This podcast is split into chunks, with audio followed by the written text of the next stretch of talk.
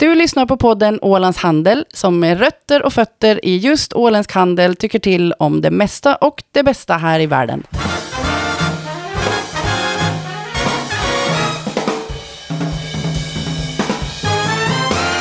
Då säger vi hej och välkomna till avsnitt nummer 155 av podden Ålands Handel. Eh, Jag heter Fredrik Rosenqvist och med mig idag har jag en himla massa människor. Så jag måste se vilken ända jag ska börja i.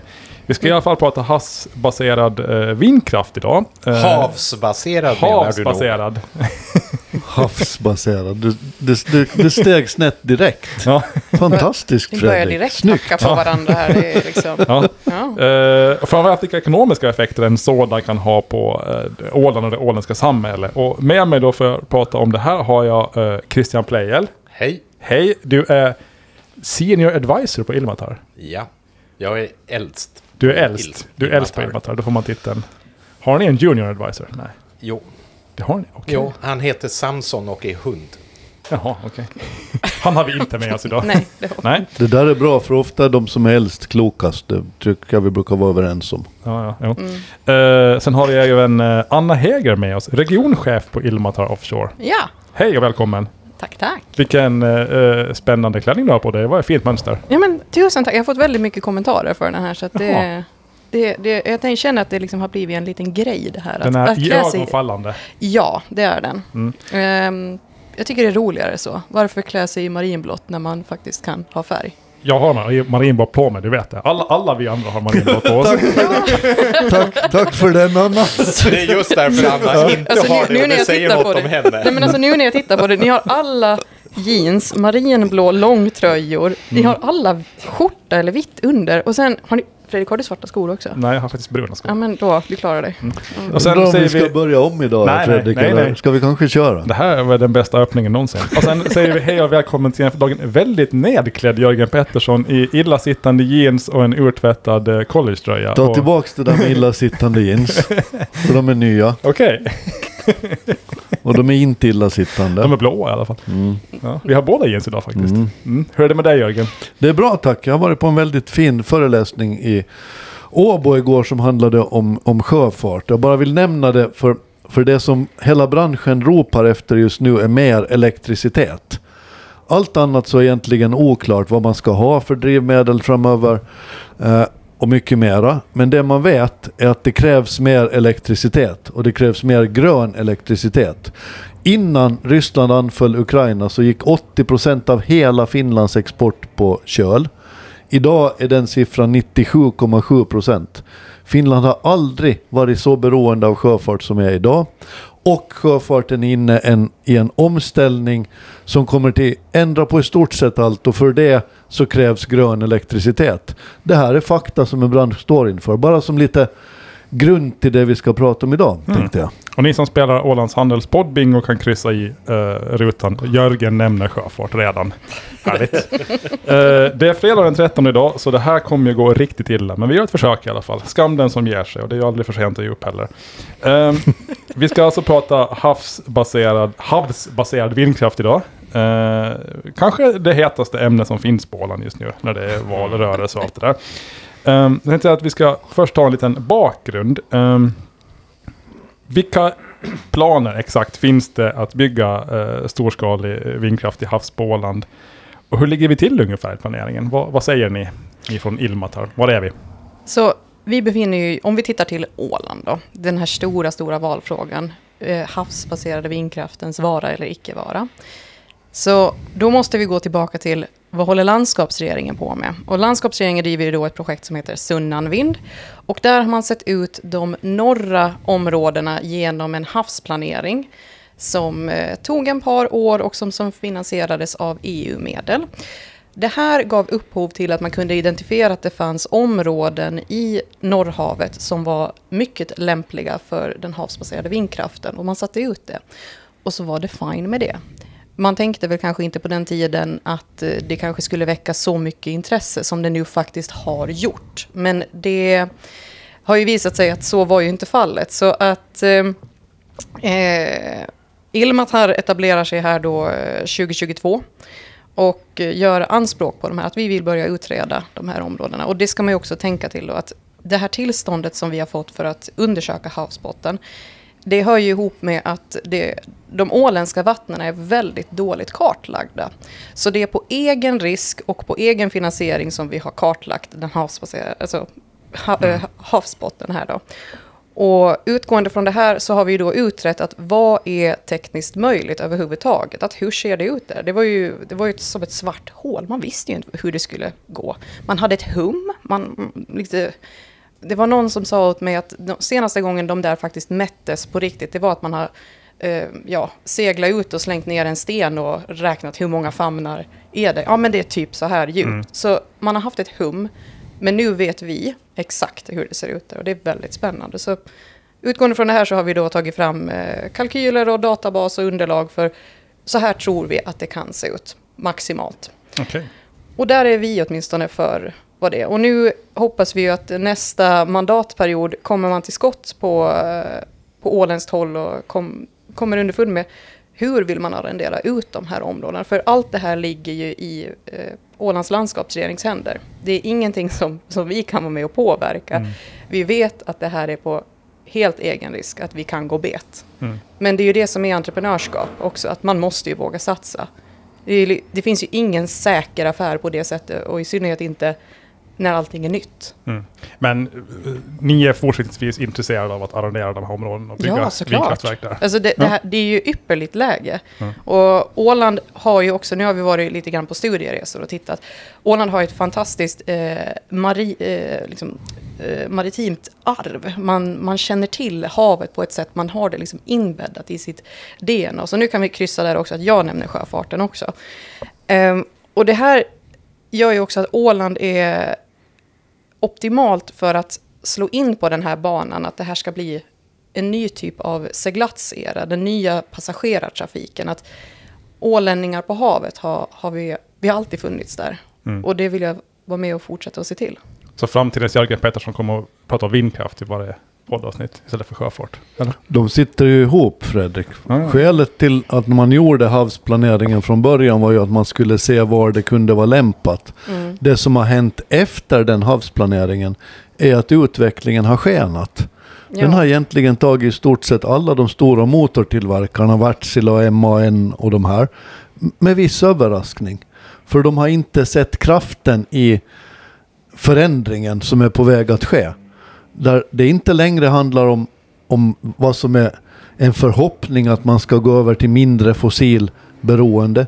Utan det är ett krav från konsumenter och från regeringar och från parlament över hela världen som säger att ni måste se över detta. Mm. Så efter att det här blev gjort så har kraften i förändringen faktiskt tilltagit.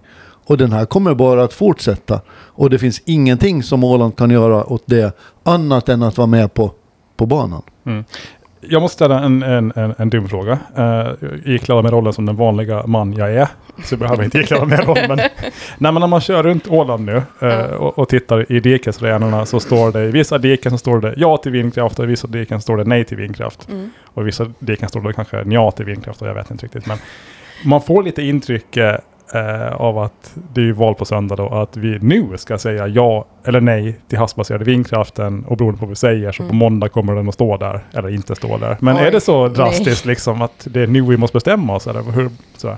Alltså det där är en jättesvår fråga som, eh, om vi börjar med den enkla eh, saken att besvara, att beroende på hur man röstar nu på söndag, vad valresultatet är, när måndagen är kommen. Eh, det är ju under den här mandatperioden som jag verkligen hoppas att landskapsregeringen beslutar hur de vill göra. Så det man utreder på det sättet då under den här mandatperioden, hur ska vi göra? Ska mm. vi säga ja eller ja eller nej till... Vad, vad, vad, är det vi ska göra under den här mandatperioden från landskapsregeringens sida? Det är inte att man röstar eh, ja eller nej till vindkraft och så börjar vi bygga. För det är väldigt mycket mer än så. Mm. Så landskapsregeringen och, och Åland behöver ju ha på det klara vad vill de få ut av det här? Vill de överhuvudtaget få ut någonting av det här?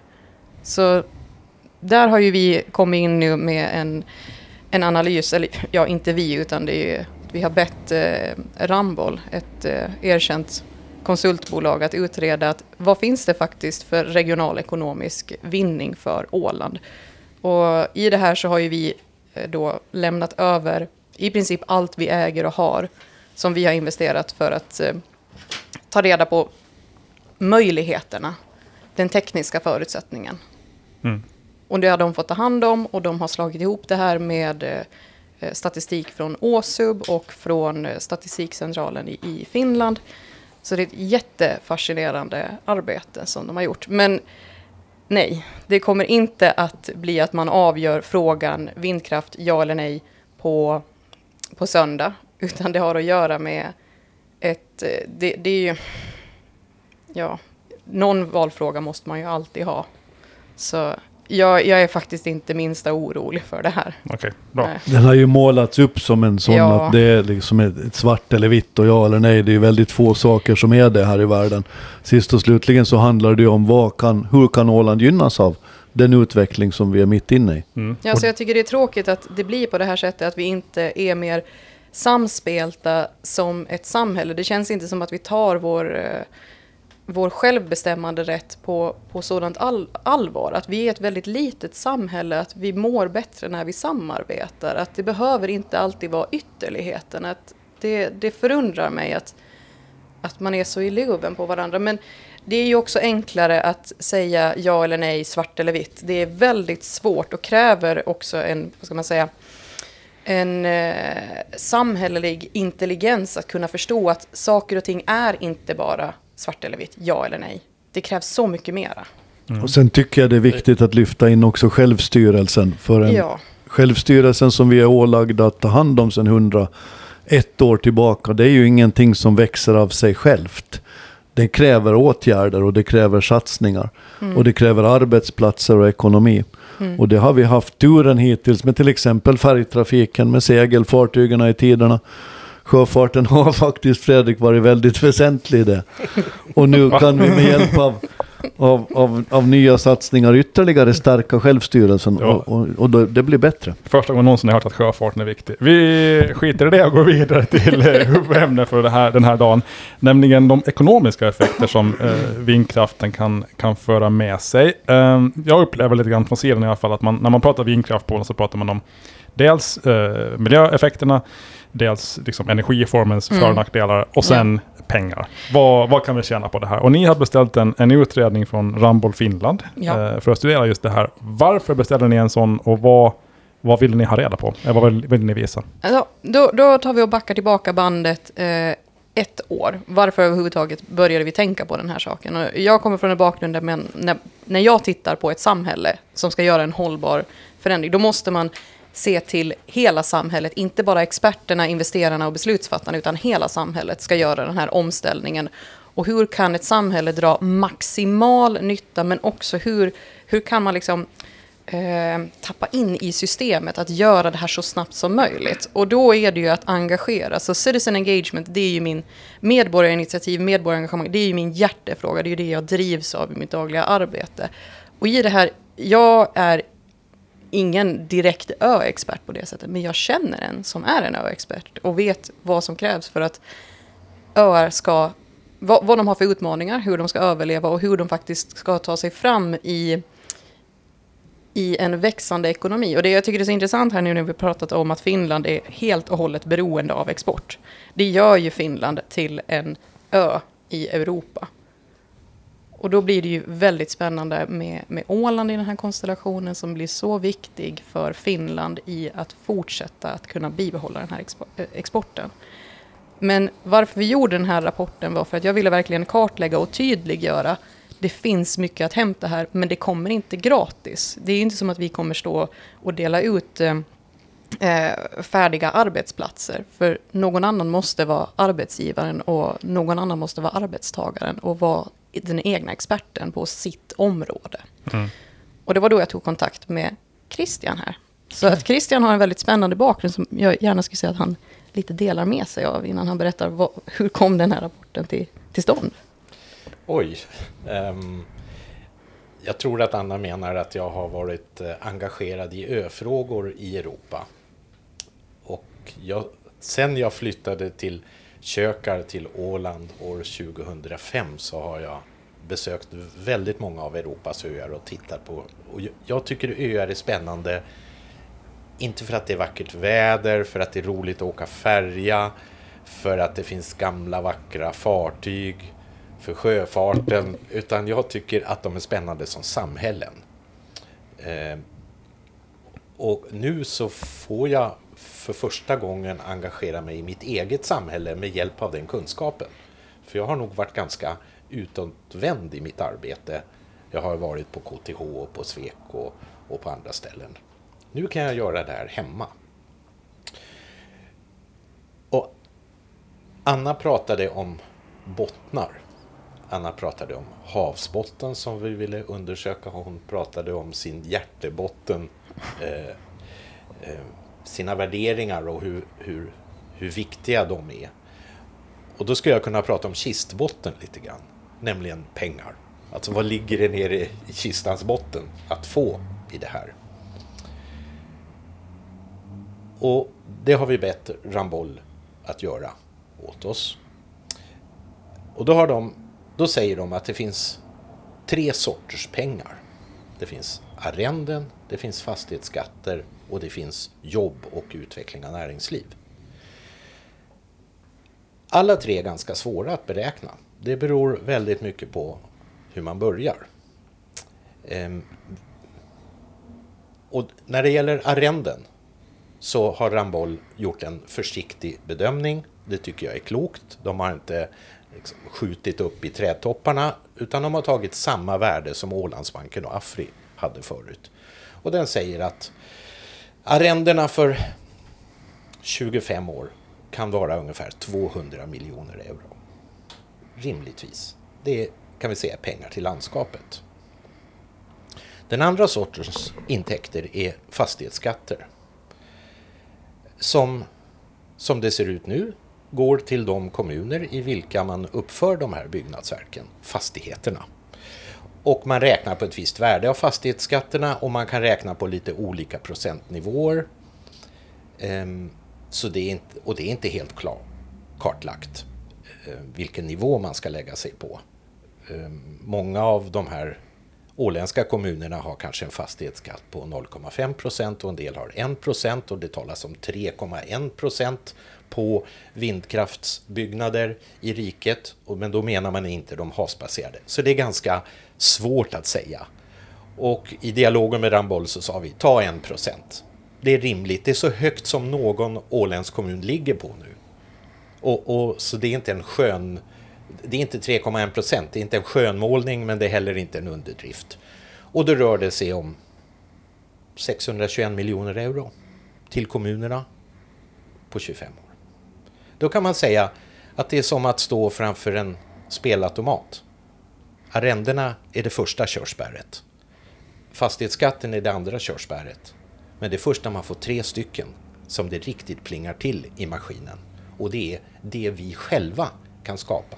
För att arrende och fastighetsskatt, det är att vi skapar oss en inkomst från någonting vi redan äger. En kapitalinkomst kan vi säga att det är. En resursinkomst.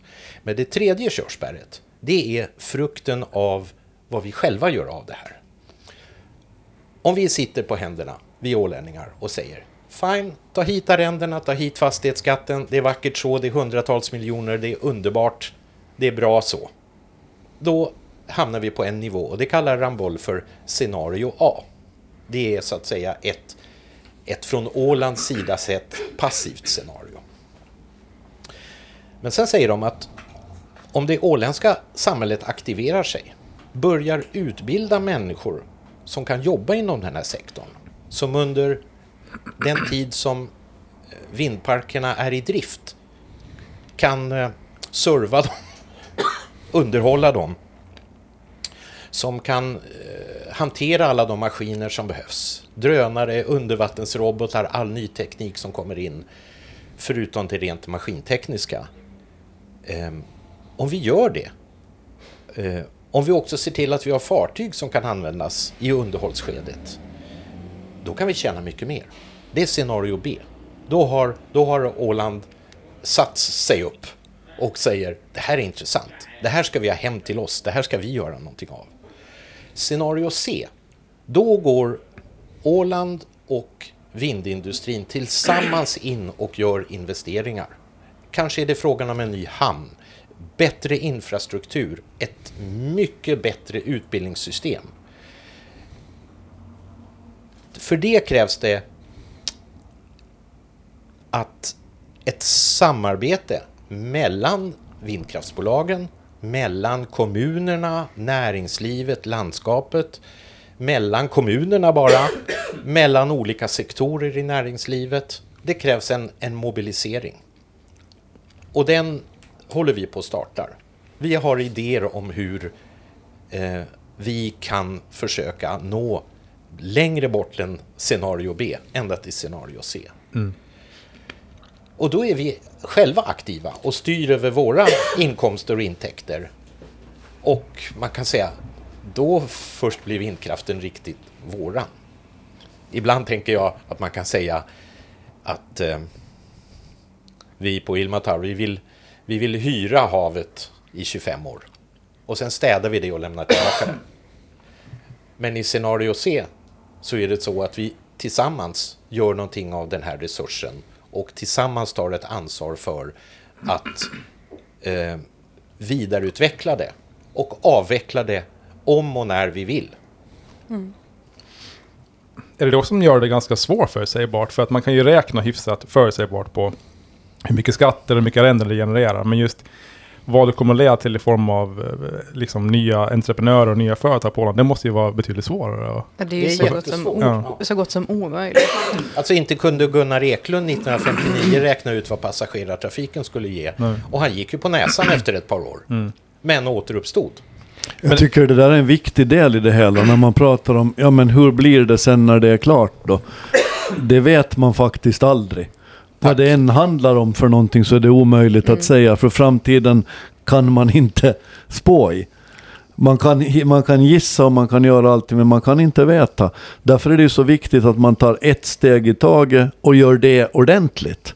Och sen får man se vad de nästa stegen leder till. Ja. Inte kunde Gunnar Eklund mycket riktigt förutspå att det här skulle bli eh, Alandia i tiden, att det skulle sätta fart på Ålandsbanken, att det skulle sätta fart på Paf, på allt vad vi känner till. nej, det kunde ju ha blivit så att sjöfarten skulle anlita försäkringsbolag från någon annanstans. Exakt. Och då hade inte sjöfarten ha fått lika stor betydelse. Och det är samma som med vindkraften här tolkar jag det som att det, det uppstår en massa möjligheter. Men utfallet beror på, okej, hur bra är vi på Åland att ta vara på de här möjligheterna? Det avgör liksom. Jag har inte heller reflekterat över det att, att Pafs stora uppsving kommer ju med, med kryssningsfartygen faktiskt. Det börjar med sjöfarten. Ja. Allting började där. Ingen människa begriper hur det...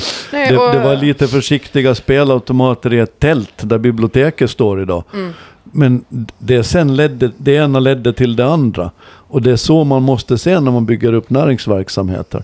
För man kan mycket väl köpa tjänster från andra håll om det är så man vill. Eller så kan man bygga upp det själv. Och det går inte att förutse. Man måste ta ett steg i taget och göra det så bra man kan för att sen ta nästa. Jag, Får jag bara säga Ja. en kommentar till Fredrik som nämnde försäkringar. Att ett av de sektorer som Ramboll pekar ut är just försäkringsbranschen. Här finns det mycket att försäkra. ja, det kan vi på Åland. Ja, det, grejer. och det, det är kul också att se att eh, försäkringsbranschen på Åland har redan tidigt eh, engagerat sig i det här och är nyfikna på det. Så jag är jätteglad att se att de fortbildar sig i det här. Jag blir glad när vi pratar om det här, för man, när man pratar om vindkraften så pratar man ofta om de här skatteintäkterna. Och jag är lite lagd sån att jag tänker att skatteintäkter, de kommer försvinna i ett svart hål någonstans. Jag kommer aldrig att se dem. Men däremot så är det intressant och, och vad, det, vad det kan leda till i, i termer av nya företag och, Ja. och allt det där. Och jag, jag läste ju er rapport som hastigast och det, den kan ju få en ganska stor inverkan på Ålands BNP. Ja. De här satsningarna. Alltså vi pratar i, över en procent per år tyckte jag. Så. 1,5. Det är jättemycket. Det är jätte, jättemycket. Och, och det var ju... Det var ju ett förslag här. Jag har, har, någon en idé vad vi ska göra för att öka BNP? Såg jag en rapport här ganska nyligen, eller ett artikel. Så ja, jag har en par eh, idéer, men... Mm.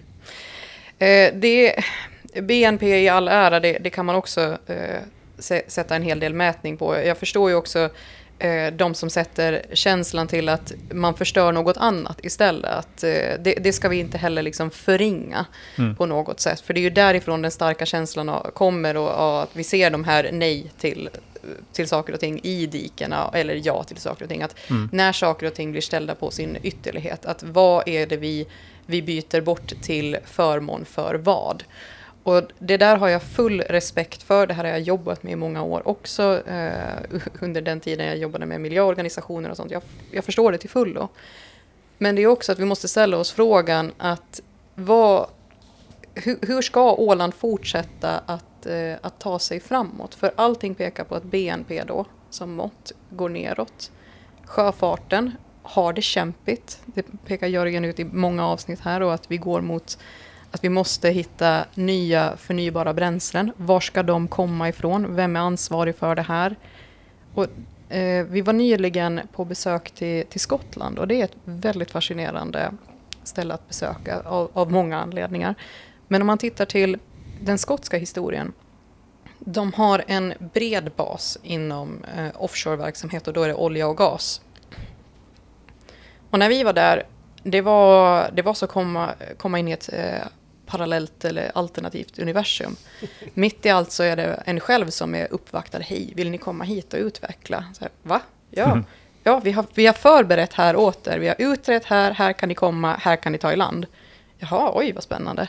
Eh, det är helt annorlunda här. att eh, Det verkar finnas någon så här övertro egentligen ibland på att, eh, att Ålänningar är ett otroligt stolt folk och det här, jag är ju en av dem. Men det blir lite att vi glömmer bort att vi, vi har... Vi har inte så mycket vi kan erbjuda liksom, i det långa loppet. Det är så här ett ögonblick av, av saker och ting. Ingenting är en evighetsmaskin. Mm. Vi, vi behöver komma tillbaka till det här innovativa stadiet igen. Och är man i Skottland och vi ställde frågan till dem att hur upplever ni? Eh, för vi stod, och det var också en stor besvikelse. Jag, jag såg ju fram emot att få se på de här eh, vindkraftverken. Och vi stod där och kämpade vid, vid kuststranden och jag sa, ser du någonting? Så här, Nej. Men ser, ser du någonting? Ja, men vi kanske åker, om vi åker upp längs kusten då. Så, ser du någonting? Så här, Nej. Så vi var nästan en vecka i Skottland och vi såg knappt någonting från, från eh, kusten där. Men det som var så intressant med att den skotska befolkningen, den skotska industrin, energiindustrin, de har ju byggt upp hamnar och, och en hel flotta för att serva olje och gasindustrin och den är ju på väg att ta slut. Vad sjutton ska de göra istället? Så nu uppvaktar de att man ska utveckla den havsbaserade vindkraften. För det de ser på, på horisonten, det är ju deras eh, livelihood, som de själva beskriver det. Om man blickar liksom, hur många år ska vi ta in i framtiden? Eh, säg 20 kanske. Hur många procent liksom av Ålands BNP kan direkt och indirekt härledas då till den havsbaserade vindkraften? Det är ganska intressant tycker jag att spekulera kring. Ja, det är bra. Och jag tror vi får lämna det där vid en spekulation, för vi, vi vet ju inte. Det, är- det är ju upp till den här nästkommande landskapsregeringen. Ska man överhuvudtaget göra det till en del Mm. av åländska BNP? Och i så fall till vilken utsträckning? Men vi tänker ju inte ligga på latsidan nu, för vi har ju då i vår affärsmodell att vi vill äga, majoritetsäga eh, de här parkerna till havs. Och då är det att vi vill ju gärna att de ska servas på något sätt. Och det ligger i, i vårt eh, intresse att det servas av, bäst av lokalbefolkningen. Det har vi sett för de landbaserade parker vi har. Det, är- det är alltid bäst när man engagerar lokalbefolkningen. Så det är inte out of the goodness of our own heart som, som vi gör saker där vi engagerar lokalbefolkningen. Det finns en vinning för oss när man samarbetar med människor. Vi, vi, vilken chock det är liksom. Nej, Tänk det- att man får ut mer av någonting när man Ja. samarbetar. Nej, att ni vill tjäna pengar, det har jag läst på internet. Ja, det, och Folk det, skrivit. ja, det är fult. Det är fult att som företag vilja tjäna pengar. Ja, Usch. Märkliga. Får jag prata lite Ja. pengar? Ja, Alltså jag nämnde 200 miljoner plus 621 miljoner plus intäkter från jobb. Och jag tror Ålandstidningen sa en miljard. Men för mig är en miljard ett ofattbart belopp. Man skulle istället kunna prata om förmåga att hålla landskap öppna. Axgansk produktion. Dagis som är nära familjer och dagisbarn. Små skolor som kan hållas öppna med kompetenta lärare. Stöd till idrott, kultur och annat eh, som ju Paf har gjort i många år. Men inte heller Paf är en outtömlig kista. fungerande kommunala förvaltningar. Det ett, ett näringslivsstöd som kan omfatta alla de små åländska företag som ju Åland kryllar utav. Eh, förutsättningar för att leva i skärgården och på landsbygden och inte bara i Mariehamn. Allt är ju pengar. Men, men, men det liksom hör man inte om man säger en miljard. Men man kan omsätta det i åtgärder. Och en väldigt stor del av de här pengarna är kommunernas pengar. Som kan göra saker kommunallokalt. Och andra delar av pengarna är landskapet som kan göra saker på landskapsnivå. Och en tredjedel av pengarna är, är, är de företag som satsar på den här industrin och skaffar sig jobb och utvecklar nya kompetenser och nya företag. Och det betyder att de bildar familjer och de får barn som ska gå i skolorna. Och, och eh, vad är det man säger? Hela Åland blomstrar. Ja. Det är vad jag ser i liksom miljardens spår. För miljarden, den är för mig obegriplig. Ja, alltså det man, man också ska komma ihåg, för om vi tittar till eh, bara arrendena och skatterna, det är ju inte där de, de stora pengarna finns. Och det är någonting som Åland behöver ta fasta på. Att enligt våra, eller enligt Rambolds uträkningar baserat på vår data, så är det ju mellan, eh, nu får du rätta mig om jag har fel här Christian, men var det 100 till 150 miljoner per år som var i, i driftkostnaderna? Ja. Ja, det är alltså någonting som ligger öppet för vem som helst att eh, göra ja, anspråk på.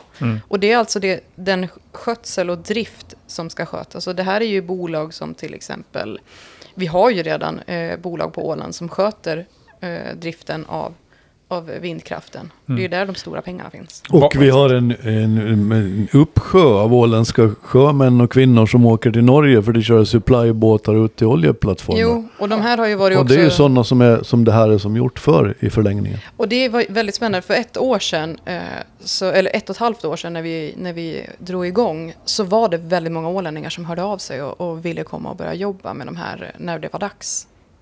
Det jag tycker det är fascinerande. De vill hem från oljeriggarna och komma hem till det här. Det är klart, ingen vill vara i Norge. En stad i Skottland vi besökte heter Montrose, Ja. eh, en hamn.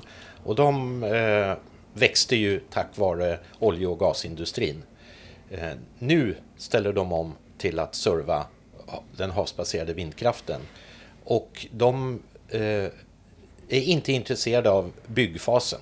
För de inser och ser redan nu att de fartygen och resurserna kommer från Rotterdam och andra stora hamnar. De är inriktade på att serva drift och operations och maintenance av de här. Och fokusera stenhårt på att bygga kajer, ha rätt djup, kunna ta emot rätt fartyg, eh, utrymmen i hamnen. Ja, det var ju också ett väldigt spännande koncept, för ingen äger den där hamnen. Montrose, har, eh, Montrose hamn har ingen ägare. Det är, sam, det är samhället som äger det. Så de har nio styrelseledamöter som tillsätts av samhällets invånare. Och sen driver de den här då för att återinvestera eh, större delen av allt kapital. Och Ibland så delar de väl ut lite medel och de hade byggt bland annat en biograf för det fanns ingen i, i stan där. Så att, ehm, en bokbuss och, och sånt. Och det var inte så här. Det var väldigt fascinerande att höra om någonting att det här samhället förstod ju att det fanns mycket jobb att hämta men de måste också bädda för det. Att ja, det finns jobb att åka till dagligen med servicen och allting sådant. Men det var också att de tillhandahåller var fartygen, utrustningen, allting sådant ligger. Jag tyckte det var jättespännande. Och, ja, det här skulle jag gärna se på Åland. Att, tänk om vi kunde ha liksom en, en samhällsägd hamn där vi själva tillsätter en styrelse. Det låter så här utopiskt för mig, men jag vet inte, mitt hjärta sjunger ju när jag hör liksom här för medborgarengagemang. jaha, jag fick nästan någonting svart i ögonen när jag hörde att ingen äger någonting. Va? Jag blev, helt så här, va? Hur är det möjligt? Sen blev jag tänka på Montrose. Det, det, det ska ju Carnegies nya tjänst till uh, privatplacerare heta. Jaha. Jaså. Jag tror, Okej. jag tror någon av grundarna till Carnegie kom från Montrose eller någonting. Mm. Sjukt att höra det ortnamnet två gånger på en vecka. Håll- Eh, engelsmännen, precis som irländarna, har ju en väldigt stark tredje sektor. Ja. Alltså, de, de underligaste saker händer ju på irländska öar till exempel. Man kan komma till flygfält som ägs av en förening. Jaha. Som ägs av eh, lokal... Vi kan ta det Sjukt. i en annan Ja. podd. Men de har anpassat sig till en ny verklighet. Ja. Det är ju det som är det coola som händer där. Det är samma sak på Orkney och på Shetland som är också oljeberoende i grunden. Men de håller nu på att ställa om och anpassar sig till denna nya verklighet. Därför kan du idag om du vill tanka vätgas på Orkney. Ja, det är Det är nu som är mindre än, än Åland. Ja, och Shetland, 22 000 pers. Och vilka planer de har. Men vi ska Otroligt. dit. Ja, Vi ska dit. Alltså inte till Shetland. Vi ska flytta Shetland till Åland. Ja, ja, okej. ja, nej, nej, nej. Vi, De vi gjorde så. De tog vara på överskottet från oljeindustrin på den tiden, satte in det i stiftelser, byggde upp samhälle och har skapat en verklighet där som folk älskar. Mm. Och faktiskt själva kan, kan växa i, precis som Christian säger. Och det är det här som är... Men det här måste man tvinga sig själv till att byta perspektiv lite. Man får inte fastna fast i att se hur det ser ut idag och tro att det är så det kommer att bli. Ja. För det är inte så. Men Jörgen, här har vi inte ett överskott från olja och gas. Men vi har Nej. företag som är beredda att investera miljarder Exakt. i våra vatten. Och då brukar det ofta, om, om vi bara spinner vidare på det där att vi, vi har inte olja och gas. Och det här är ju liksom en tryckande punkt. För i de här eh, pan-European, alltså ett, ett, ett sammanhang där man sitter ner olika europeiska aktörer och diskuterar. Och så är det liksom som en skönhetsparad eh, där vi fick uppvisningar av Spanien och Frankrike och Skottland och, f- och så kom... Danmark. Och så, ja, Dan, nej, Da- Danmark var inte. Nej. Nej, men och så kommer Finland in lite så här på ett halvt bananskal. Och de håller på att berätta om att här är det bästa ställena att utveckla. Att locka, locka, locka, eh, bädda för att man ska komma. Och när jag ställde frågan att liksom, men hur lång är eh, den här tillståndsprocessen? Hur många år tar det innan vi kan få tillstånd och bygga hos er? Och det blir helt knäpptyst, för det här är en, en fråga ingen riktigt vill ta i i Europa, alltså eh, europe, europeiska sammanhang. Och jag vet att eh, EU-kommissionen har sagt att vi måste korta ner tillståndstiderna för all förnybar energi för att vi måste snabbare framåt i den här förnybara energiekonomin. Den enda som kunde faktiskt svara på det här ärligt utan att undvika frågan, det var Finland som sa vi jobbar på saken. Det tar för lång tid idag, men vi jobbar på det. Och här ser jag öppningen. Åland har en autonomi. Det här kommer ju också från min tidigare arbetsplats, Flexens och projektet vi jobbade med där, Smart Energy Åland. Och det fanns ju en tanke där att alla de här nya typer av lösningar, stora som små, skulle kunna utgå ifrån Åland för att Åland har autonomin. Men där handlar det också om att Åland som tonåring behöver inse att man är kapabel. Och jag tror inte Åland fullständigt begriper hur kapabel man skulle kunna vara om man var handlingskraftig och samarbetade och var enade. Så jag är jätteglad över det här samförståndsavtalet som tecknades av eh, de här politiska partierna, för det visar på en politisk mognad jag inte trodde jag skulle se under min karriär på Åland. Det, det, jag, jag har lovordat det här så mycket och det är, jag tycker det är fantastiskt. Men därtill, de länder, när man ställer frågan varför är det så bråttom? Och det är just för att de länder som har försprång in i den havsbaserade vindkraften och den ekonomi, för det är ju en oändlig ekonomi vi rör oss in till. Det, vi, om vi pratar om eh, långtermism, alltså när man tittar på det långa perspektivet. Vi går alltså från någonting som är en ändlig resurs, fossila bränslen, till någonting som är förnybart, oändligt. Det är ju skitspännande på ren svenska. Vad händer med en ekonomi som blir oändlig, där energi är kärnan i all aktivitet vi människor håller på med. All typ av handel, all, allt vi gör är ju energi. Och om vi gör den då oändlig, då är det ju liksom bara, alltså sky's the limit. Jag tycker det är jättespännande att, att fundera på. Men här ligger vi back i Skandinavien, förutom Norge, som har en lång, eller inte så lång historia, men de har en historia inom olje och gasindustrin. Länder som har olja och gas kommer att eh, ta försprånget i den havsbaserade vindkraften. Och därmed så är det ju också att, för de, de har redan hamnarna, de har fartygen, de har mindsetet. Mm. Men det Åland har är autonomin. Okej. Shit, det är alltid sådär. Vi försöker alla vårt, vårt bästa och så slutar det med att Norge vinner. Ja, Alltid.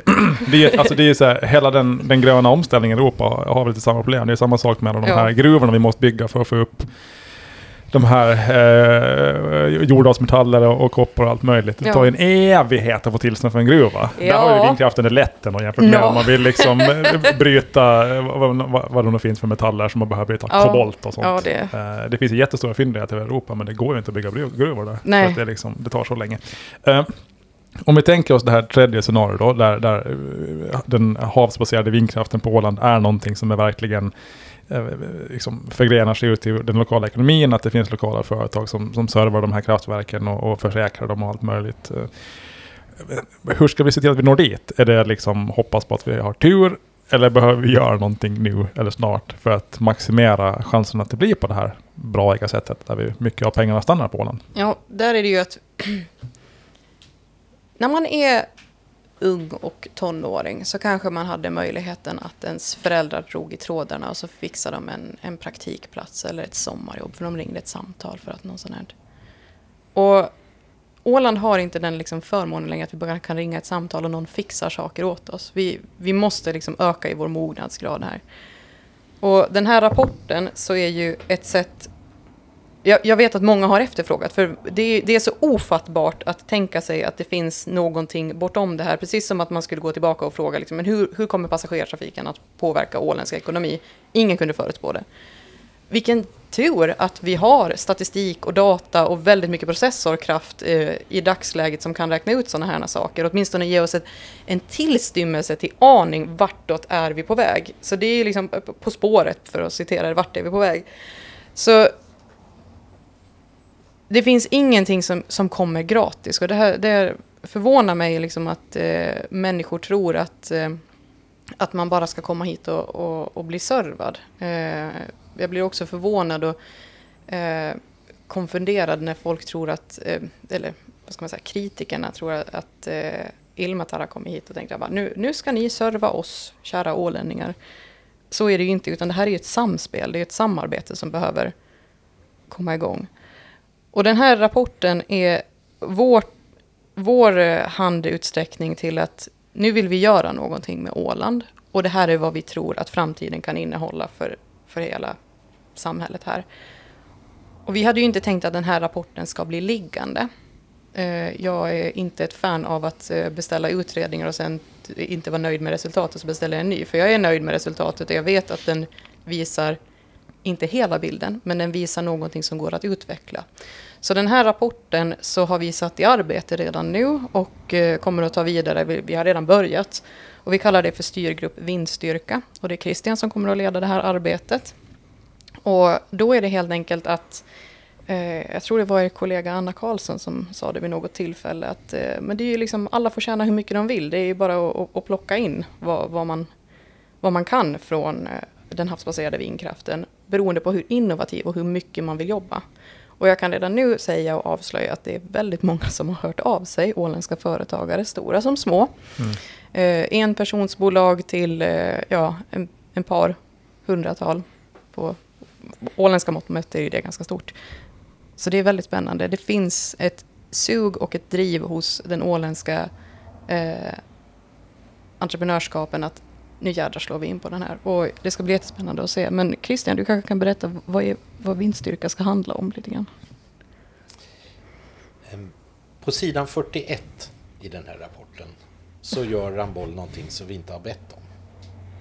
De ger oss 10 tips. Det här behöver ni göra för att nå scenario B och C.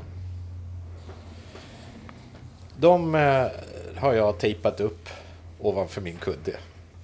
Vad har du? För kudden? Nej, vad fint! Ja, men jag, jag blev helt, jag blev helt eh, glad och förvånad och häpen över att det kom något så jättekonkret ur en stor tuggning av data och, och belopp. Men de säger det. Det finns tio saker som vi ska göra. Jag ska inte dra dem nu, men de bildar grund för ett omställningsprojekt som Anna sa heter Vindstyrka. Och i det behöver vi engagera alla de sektorer som vi tror kan dra nytta av vindkraften. Och, och målet för vindstyrka det är att ge maximal nytta för Åland. Maxa den. Och, och jag tror att det kan bli sju huvudområden. Det behövs en styrgrupp. Det behövs en maktkoalition som ställer sig bakom det här. Och det innebär ju att också konkurrenter måste gå samman. Eh, De bolag som jobbar med vindkraft måste hjälpas åt och få igång det här. För vi behöver alla det, oavsett vem som sen vinner exklusivitet eller ett område. Vi behöver högskolan på Åland, vi behöver sjöfartsnäringen, vi behöver försäkringsbolag, banker, vi behöver alla småföretagen, vi behöver besöksnäringen, vi behöver mera logi, vi behöver förenklade regler för att ny arbetskraft ska kunna flytta in, med mera, med mera, med mera. Men först måste vi eh, bilda ett projekt lite formellt och vi har en idé om vem som ska vara huvudman och vilka som ska vara huvudpartners. Och vi har en idé om att skapa en ganska stor kreativ styrgrupp. Och vilka arbetsgrupper som ska komma ut. Och det är arbetsgrupperna det ska hända. För det är de som ger sig på de här utmaningarna från Ramboll. Det som de pekar ut att vi borde göra. Det är de som konkretiserar dem och går tillbaka till styrgruppen med dem. Det är där resurserna ska ligga. De ska ha pengar att träffas, de ska ha lokaler att träffas i, de ska ha pengar till delutredningar om de vill, de ska ha pengar för att åka till Shetland om de vill, eller Bornholm. Alltså de ska känna att det är på dem det hänger. Det är de som ska skapa idéerna och samverkan så att vi kommer vidare och faktiskt gör maximal nytta. Det är vindstyrka. Och, och nu behöver vi ett par veckor till för att liksom sätta det här på plats. Ehm, men... Och, och så behöver vi komma förbi valet. För det är klart att, att också hur, hur politiken på Åland gestaltar sig efter söndag. Det är också ett viktigt inspel i det här. Alltså det, för mig känns valet inte särskilt liksom sådär att, eh, påfallande att det, att det är det som avgör. För det här arbetet är ju redan igång.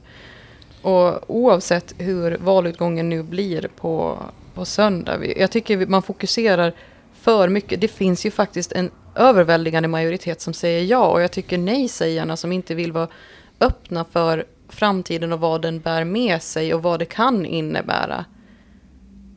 Att man pratar om att, eh, att den havsbaserade vindkraften skulle förstöra horisonten. Men det handlar ju också om att bredda den inre horisonten för hela Åland. Och bredda horisonten för Ålands framtid. Och om det är några vindsnurror på en, alltså fysiska vindsnurror på en, på en horisont för några få. Jag vet inte, för, för mig liksom, det, Ja, men du Det säger som- det Anna, så- att ja. det politiska resultatet på söndag spelar inte så stor roll. Nej. Jag kan hålla med i stort sett om det. Jag är ganska trygg. Mm. Men vad jag menar är att jag tror att politikerna inte har haft tid att tänka på vad de ska göra med den här miljarden. Det har handlat väldigt mycket om hur man ska bemöta oppositionen om du förstår. Ja. Men inte vad man ska göra av de positiva effekterna. Det är ingen som liksom har haft kraft och tid och vågat att liksom gå all in och säga att men vad gör vi av det här nu då? nej, alltså stressade sinnen eh, agerar sällan rationellt. Jag blev att tänka på det när vi pratade om det här. Hur sannolikt är det att ålänningarna, åländska företag kommer att ta tillvara på de möjligheter som finns? Jag blev att tänka på det när ni sa att det har redan hört av sig i små och stora Ja. företag. Det känns ganska rimligt som att ålänningarna kommer att ta vara på de möjligheter som finns. Vi har inte gjort oss kända för att liksom sådär. Nej, Nej, men ta på- ålänningarna är ju... Ta passagerarsjöfarten igen. Va? Ur det, ur det har uppstått enmansföretag, en uppsjö av dem. Ur det har uppstått skeppshandlare som har blivit jätteförmögna. Alla har fått välja själv vad man gick in för. Försäkringsbolagen, alla de grenar som man nu förväntar sig att ska få ny kraft i form av etableringen av storskalig vindkraft. Så är stort sett samma som redan har fått kraft ur en annan samhällsförvandling.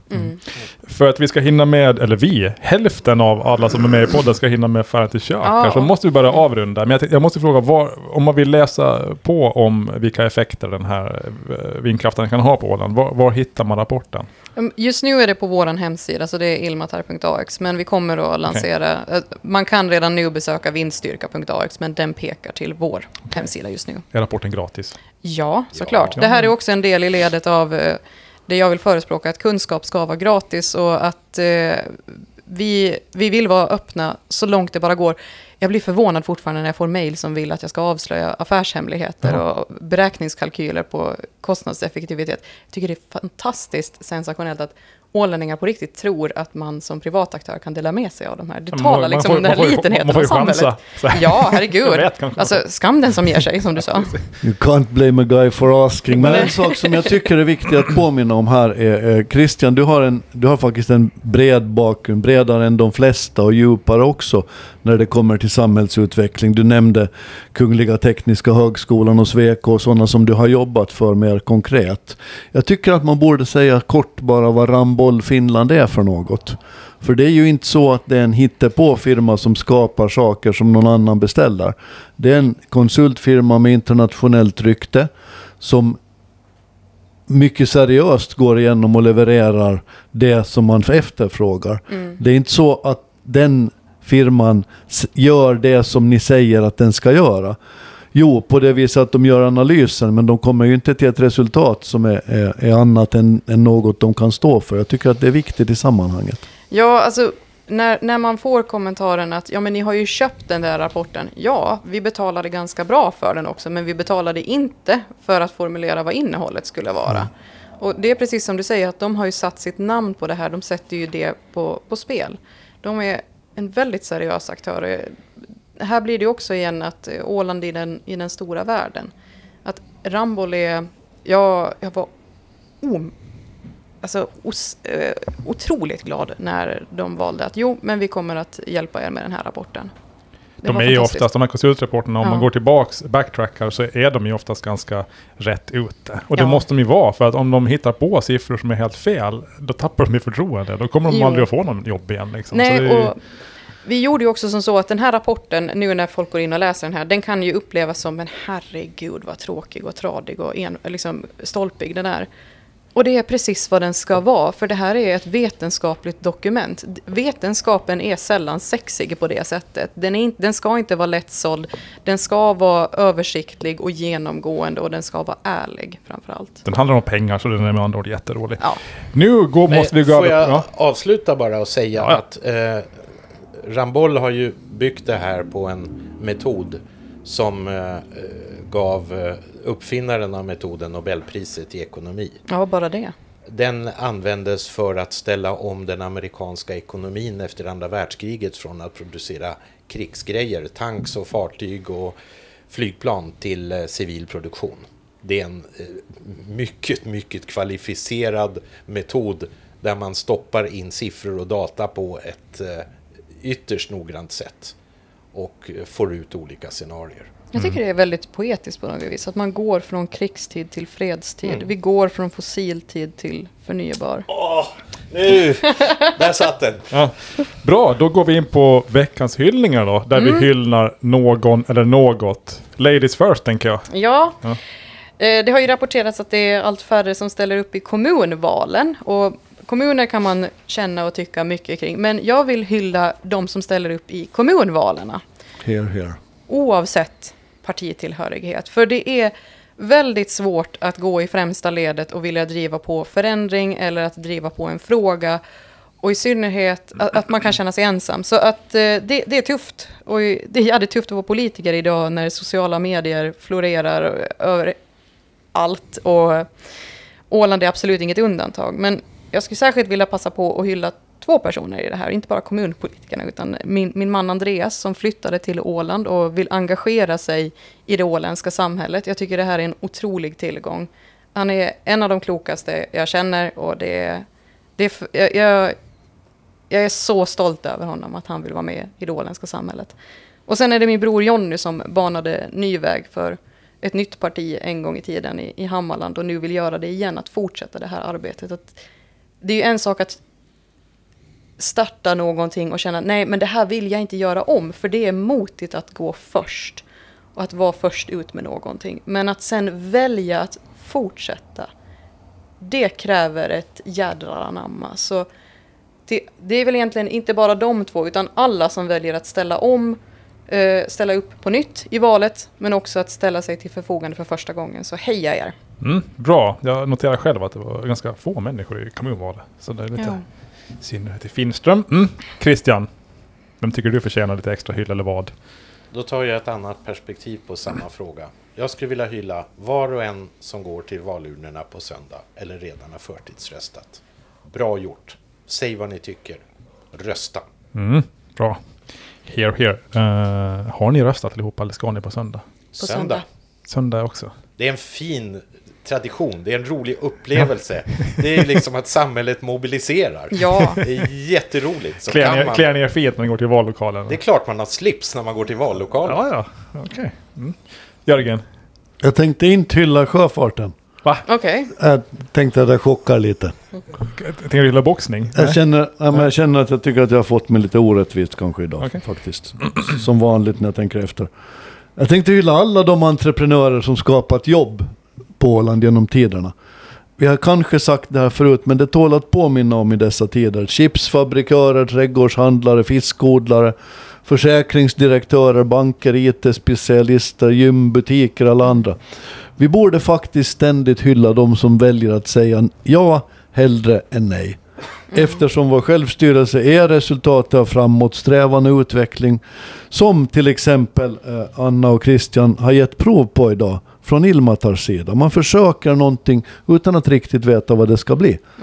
För de levande fiskarna de simmar ju uppströms och det, det är alltid att föredra nog. Tack för ordet. Ja, bra. Och mina byxor sitter perfekt. De sitter ganska bra. Eh, eller ja, helt okej. Jag tycker de ser bra ut. Det är ovant att se det i jeans, det är det. Chocken liksom. ja, nej men jag tänkte hylla en, en butik i, i Jomala. Det finns många fina butiker över hela Åland, men nu, tänker jag hylla en speciell butik. Och det är uh, Team Sport i Maxinge. Jag var dit för en, en, en, en dryg timme sedan. Och jag är väldigt ofta dit. De har jättebra sortiment, de är otroligt trevliga, eh, det är billigt och det är bra på allt sätt och vis. Skitbra butik. Man blir alltid glad av om man har varit där. Så hyll till dem. Eh, Har de hopprep som man kan göra dubbelhopp med? de har säkert hopprep som man kan göra. Jag var och köpte en kettlebell på 20 kilo. Okej. Eh, De erbjöd sig till och med att bära ut den till bilen något, men jag tänkte att det här kan jag inte. Liksom. Du ska ju ta, lite, ta bort lite av idén med det Ja, där. det kan, man ha någon och bära sin kettlebell åt den. Så Ja. kan ni komma hem till mig och lyfta den också? Så. Svingande lite. Samma sak är det ju med dubbelhoppen. Det är nog bara att nöta på. Alltså. Jag tänker för crossfiten. Det är sådär. Man får bara hålla på med de där pingvinhoppen och klapp, klapp, klapp. Mm. klapp, klapp, klapp. Ja, men om ni inte har varit dit så eh, passa på och fara in i, eh, som jag tycker är Ålands bästa sportbutik. Det finns många andra bra säkert också, men just den är min go-to-butik. Ja, Du överraskar Fredrik, du kan vara snäll ibland. Jag tycker att det är bra där, det klär dig. Ja, vad snäll jag är. Ja. Jo, men ja, det kommer med åldern. Gör det det? Eh, jo, det gör det. Bra, då ska vi eh, säga tack och hej för idag då, jag säga. Tack för att ni kom hit. Ja, Tack. Men heter det inga tack och förlåt? Tack. Det säger vi. Tack och förlåt. tack och förlåt. Tack och varsågod. Nu har du lyssnat så här långt, så nu kan du ge oss en liten stund till tycker vi. Du kan gå in på Spotify och prenumerera på podden Ålands Handel. Eller på Podcaster, där kan du göra samma sak. Där kan du också ge oss betyg och skriva recensioner, det tycker vi om. Och sen kan du förstås gå in och titta på vår hemsida ålandshandel.ax. Och så hörs vi nästa vecka.